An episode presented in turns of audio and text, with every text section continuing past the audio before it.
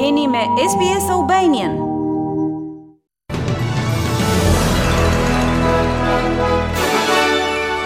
Në buletinin e sotëm informativ do të ndiqni Shpërthejnë protestat në shtetet e bashkuara, ndërsa shoqata kombëtare e armëve nis konventën e saj të përvitshme, vetëm ditë pas vrasjeve me armë në një shkollë në Texas.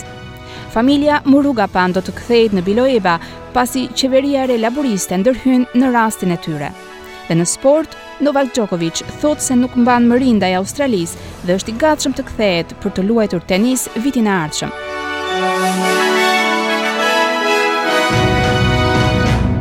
Dhe vazhdojmë më gjerësisht me lajmet. Guvernatori i Teksasit Greg Abbott thotë se ai është mashtruar në lidhje me informacionin mbi të shtënat në një shkollë që lanë të vdekur 21 persona. Koloneli i Departamentit të Sigurisë Publike të Shtetit, Steve McCraw, thotë se policia mori vendimin e gabuar, duke pritur gati një orë për oficerët shtesë përpara se ata të depërtonin në klasë, ndërsa personi i armatosur ishte brenda. Të mbijetuarit, përfshirë fëmijë, telefononin numrin e urgjencës nëntë njëmbëdhjetë nga klasa për një kohë të gjatë pasi tetëmbëdhjetë vjeçari Salvator Ramos kishte hyrë në shkollën fillore Rob në Uvaldi me një pushkë gjysmëautomatike ndërsa oficerët e policisë prisnin jashtë në korridor që t'u vinin përforcime. Ndërkohë, ka dalë një video e prindërve që u luten policëve të ndërhyjnë në klasën ku tetëmbëdhjetë vjeçari Salvator Ramos po kryente masakrën. Zbulimet vijnë disa ditë pas pikëpyetjeve në rritje në lidhje me operacionin e ndjekur nga policia ditën e masakrës. Guvernatori i Teksasit, Abbott, thotë se informacioni që iu dha fillimisht ishte pjesërisht i pasaktë. Ndërkohë, shoqata e armëve me zjarr ka vendosur të vazhdojë me kongresin e saj në Houston, duke nxitur protesta nëpër rrugë. Beto O'Rourke, kandidati demokrat për guvernant, mori pjesë në demonstrata, duke bërë thirrje për reformë urgjente të armëve. That the time for us to have stopped Uvalde was right after Sandy Hook. The time for us Koha që ta ndalonim Uvaldin ishte menjëherë pas vrasjeve në Sandy Hook. Koha që ta ndalonim Uvaldin ishte menjëherë pas vrasjeve në Parkland. Koha që ta ndalonim Uvaldin ishte menjëherë pas vrasjeve në shkollën e mesme Santa Fe. Koha që ta ndalonim vrasjen tjetër të radhës në këtë vend është pikërisht tani. Këtu nga secili prej nesh, ka thënë ai. Familja Murugapan do të kthehet në Biloeba, pasi qeveria e re laboriste ka ndërhyrë në rastin e tyre duke i lejuar ata të ribashkohen me komunitetin e tyre që i ka përkrahur në qytetin rajonal të Queensland-it. Laboristët kishin premtuar se do të përdornin ndërhyrje ministrore në situatën e familjes gjatë zgjedhjeve federale, një vendim që megjithëse suportuesit e kësaj familjeje kishin kërkuar prej kohësh nga qeveria Morrison, ende nuk ishte ndërmarrë. Organizata Botërore e Shëndetësisë thotë se 200 raste të lisë së majmunit janë raportuar në më shumë se 20 vende. Por organizata thotë se epidemia është e kontrollueshme dhe propozon krijimin e një rezerve për të ndarë në mënyrë të barabartë vaksinat dhe barnat e kufizuara të disponueshme në mbarë botën.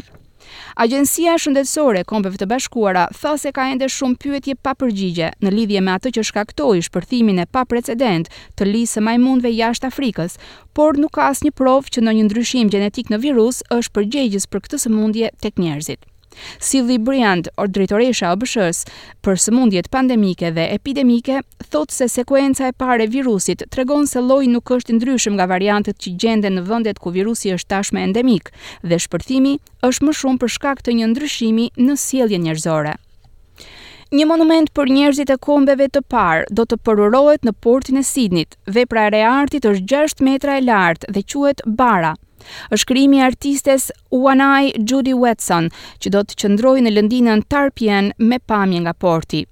Thuhet se është frymëzuar nga grepa peshkimi me guackë të punuar me dorë, të cilën e përdorin gratë vendase aborigjene për breza me radhë.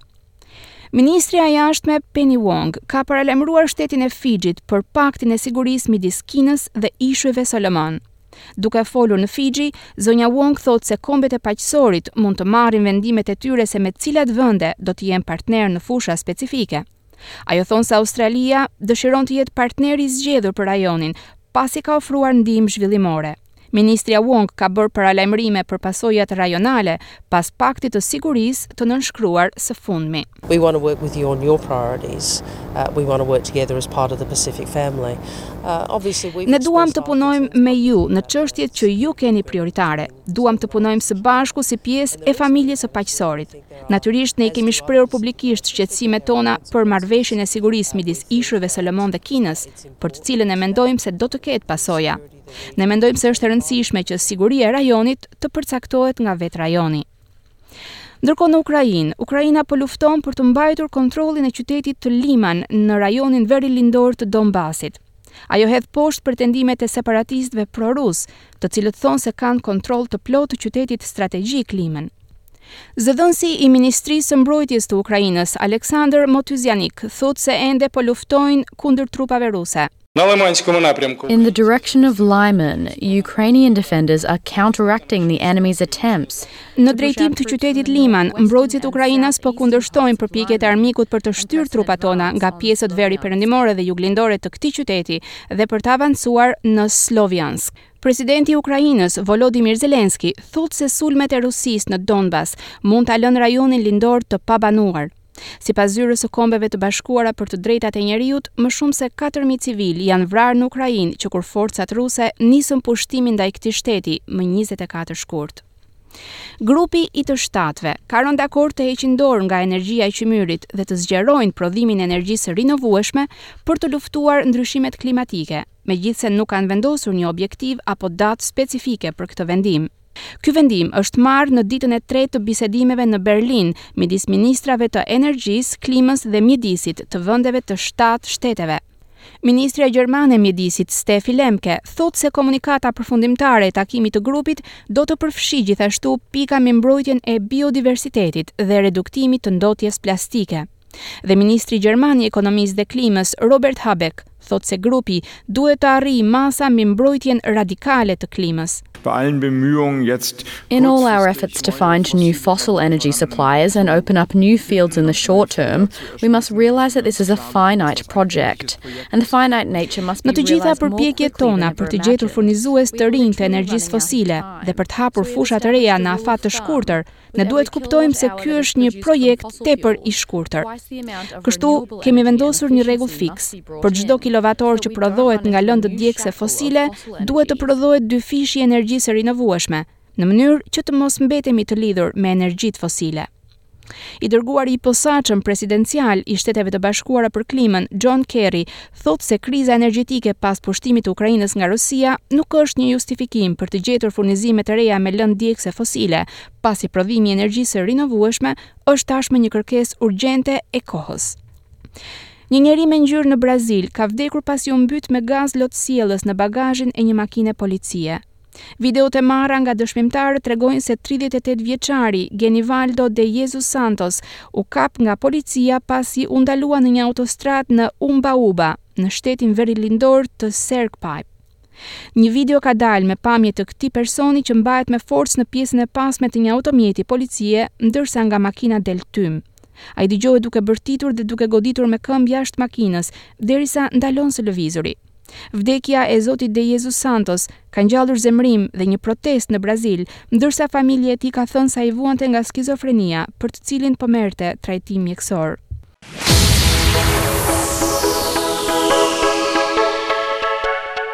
Dhe lajme nga fusha e sportit. Novak Djokovic, këmbgul se ai nuk ka mëri ndaj Australisë dhe ende shpreson të kthehet për të luajtur tenis vitin e ardhshëm.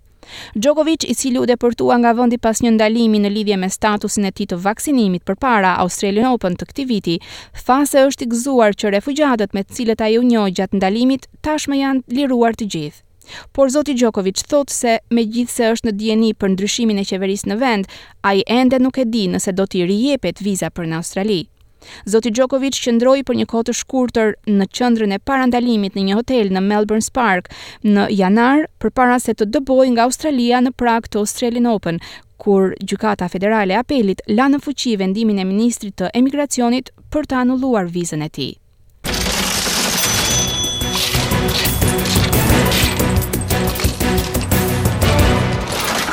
Do të kalojmë tani në kursin e këmbimit të valutës australiane. Një dollar australian sot këmbehet me tetëdhjetë pikë dyzet e dy lekë shqiptare, zero pikë gjashtëdhjetë e shtatë euro, zero pikë shtatëdhjetë e dy dollarë amerikanë dhe me dyzet e një pikë zero nëntë denarë të Maqedonisë së Veriut.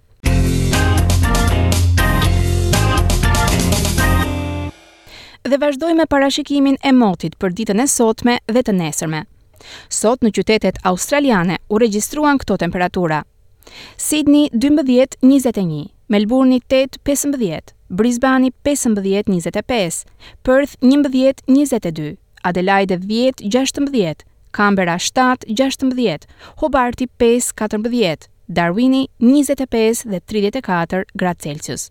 Për nesër Byroja e Parashikimit të Motit sjell këto temperatura.